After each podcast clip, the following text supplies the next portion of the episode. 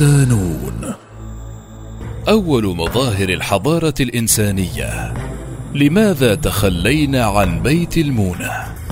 مقال لأحمد الملاح ضمن ملف بيت المونة تكاد لا تخلو ذاكرة أحدنا اليوم من صورة رسخت في ذهنه منذ أيام طفولته عن غرفة منزلية لبيت الجد تضع فيها الجدات مؤونة المنزل من حبوب وبقول ومخللات وغيرها لتكون حرزا لهم من الجوع أو العازة في أيام تعذر توافر الأغذية أو صعوبة الحصول عليها وتوافر المنتجات في غير مواسمها التي تنتج أو تزرع فيها. كذلك لا تخلو الذاكرة من مشاهد تجفيف بعض الخضروات وحفظ بعضها بالخل أو الزيت ومهرجانات تحويل القمح إلى برغل وكشك أو صناعة المكدوس أو المخللات. هذه المشاهد التي تربينا عليها في طفولتنا تكاد تختفي اليوم في عالمنا المتسارع الذي غدت فيه الأسواق مفتوحة على مصراعيها لتوفر الاحتياجات على مدار أيام العام. لكن الحرب الروسية الأوكرانية الأخيرة التي أخلت بتوفير صادرات القمح للعالم وما سبقها من حروب في سوريا والعراق واليمن وتقلص قدرات هذه البلدان على توفير غذائها وتزايد تعداد سكان العالم وتقلص موارده كانت جرس إنذار كبير تعيد للأذهان أهمية توفير الأمن الغذائي على صعيد الأفراد والمجتمعات. في هذا المقال الذي سيكون مقدمة لملف بيت المونة الذي ينشره نون بوست سنحاول فيه تسليط الضوء على البدايات الأولى لنشوء بيت المونة وكيف أثر هذا على تسريع ظهور المدن والحضارات الإنسانية مرورا بأهميته واتساعه وتحوله من حالة فردية إلى إحدى مهام الدولة وأسس أمنها القومي. ولماذا بدأنا نفقد بيوت المؤونة كأفراد ومجتمعات؟ وما علاقة العولمة وصراع الخصوصية والانفتاح العالمي؟ بفقدان أمننا الغذائي. بيت المونة البدايات. نشأ الإنسان قديما قبل التاريخ صائدا للفرائس وجامعا للثمار مختارا للكهوف كمنازل للعيش ووسيلة للحماية من الحيوانات المفترسة وتغيرات الطقس. وما لبث أن اكتشف الزراعة فهجر الكهوف وتحول إلى الأراضي الخصبة المجاورة للأنهار. لتتشكل أولى القرى الزراعية التي عرفها الإنسان. ومع اكتشاف الزراعة والتوسع بها ظهر فائض محاصيل في مواسم الجني وغياب هذه المحاصيل في مواسم ثانية. فكانت هذه الحاجة لتوفير المحاصيل في أيام غيابها وصعوبة زراعتها هي النواة الأولى لبيوت المؤن أو الصوامع لجمع الإنتاج الزراعي الذي يزيد على الاستخدام اليومي. مع زيادة تخزين المحاصيل ووجود مجاميع من البشر ما زالت تسكن الكهوف ولا تزرع، كانت الصوامع والمخازن تتعرض باستمرار للنهب والسرقة، ما دفع المزارعين لتوحيد جهودهم وبناء الأسوار حول قراهم، وتخصيص حرس للحماية، ووضع نظام لذلك. فكانت هذه الإجراءات اللبنة الأولى لقيام الحضارة الإنسانية نتيجة استقرار الناس داخل المدن وتراكم الخبرات فيها لتتكون المعرفة التي قامت على أسسها الحضارات.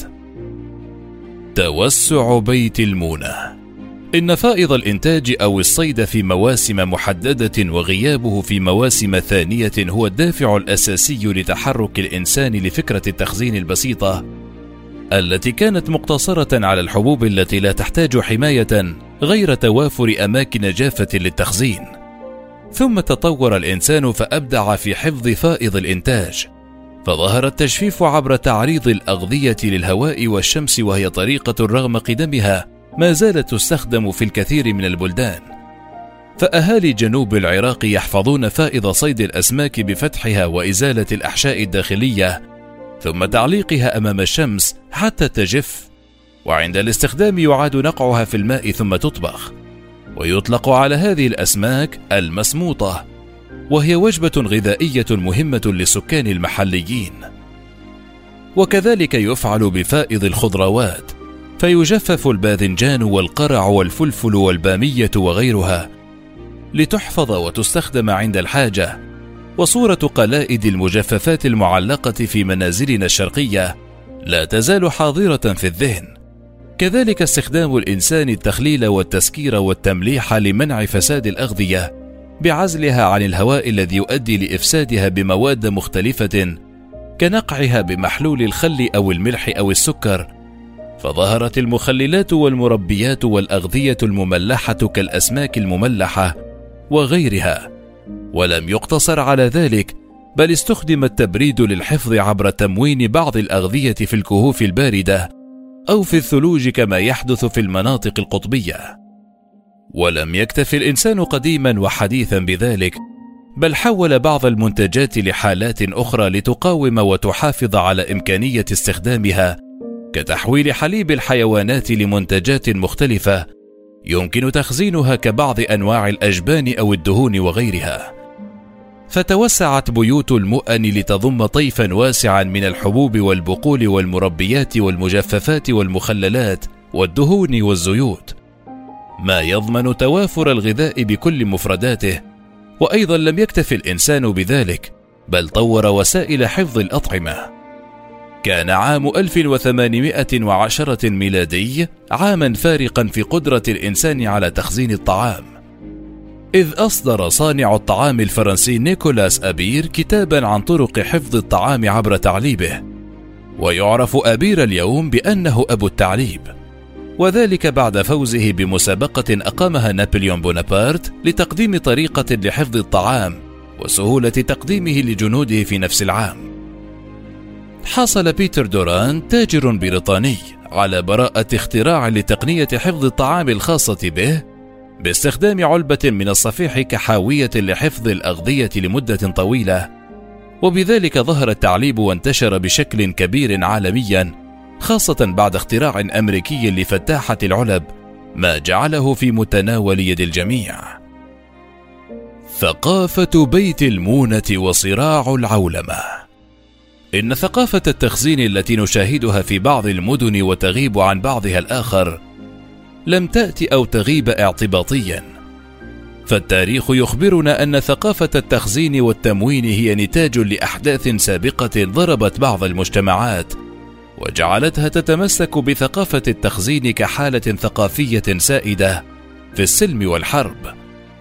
فالموصل القديمة المدينة التي نشأت بها بنيت تحت أغلب منازلها سراديب كبيرة بها غرف خاصة للتخزين وتكون غالبا باردة في الصيف مما يساعد على عدم فساد الأطعمة. وكنت في طفولتي أستغرب من الحرص الشديد على تخزين الطعام رغم توافره في الأسواق طوال العام. لكن تاريخا طويلا من الحروب والحصارات التي ضربت المدينة في القرون الماضية أشهرها حصار نادر شاه عام 1743 ميلادي الذي صمدت فيه المدينة نتيجة توافر هذه المخازن والمجاعات المتكررة التي ألمت بالمدينة أقساها ما حدث في الحرب العالمية الأولى من قحط وجوع تزامن مع سنوات الحرب الأخيرة وضرب أغلب مدن الشرق الأوسط وقتلت ثلثي سكان لبنان. كل ذلك رسخ أهمية التموين والتخزين في العقل الجمعي للمدينة. حتى في أعظم لحظات السلم والرخاء وهذا الذي لم أفهمه حتى طالعت تاريخ المنطقة. هذه الثقافة الحريصة على التخزين تتغير اليوم في ظل ضغط العولمة على خصوصيات الثقافات الفرعية في مدننا وبلادنا. ما جعلنا نفقد تدريجيا بيت المونة ونفتح أبوابنا أمام ثقافة الاستهلاك السريع مع توافر السلع وسهولة الاستيراد. فمميزات ثقافة العولمة المعتمدة على توافر السلع وسهولة النقل والتواصل. جعلتنا نغير مطابخنا المحلية ووجبات الغذاء في بلادنا.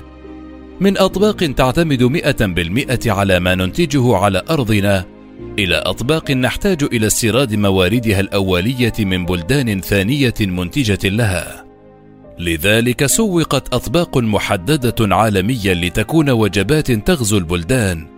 ولأننا لا نزرع أو ننتج مكونات هذه الأطباق سيكون أمننا الغذائي مرهونا بالبلدان المصدرة لها. فطبق الأرز الذي حل محل البرغل المنتج من القمح في منطقة الجزيرة الفرانية في العراق والشام جعلنا في حاجة لمحاصيل الأرز التي ننتجها بشكل محدود جدا أو تكاد معدومة مقارنة بالقمح المتوفر بكثافة في هذه المناطق فنضطر للاستيراد. ومن الأمثلة الصارخة على إشكالية ما نأكل ونزرع أن مصر أكبر البلاد العربية عددا تضطر لاستيراد 60% من الفول لتوفير طبق الفطور المصري الشهير الفول والطعمية الذي يعتبر أحد أعمدة المطبخ المصري ومصدر قوت الملايين يوميا. إن الانجراف الأعمى خلف الثقافات العالمية وعولمة المطبخ في مدننا وبلادنا يهدد أمننا الغذائي.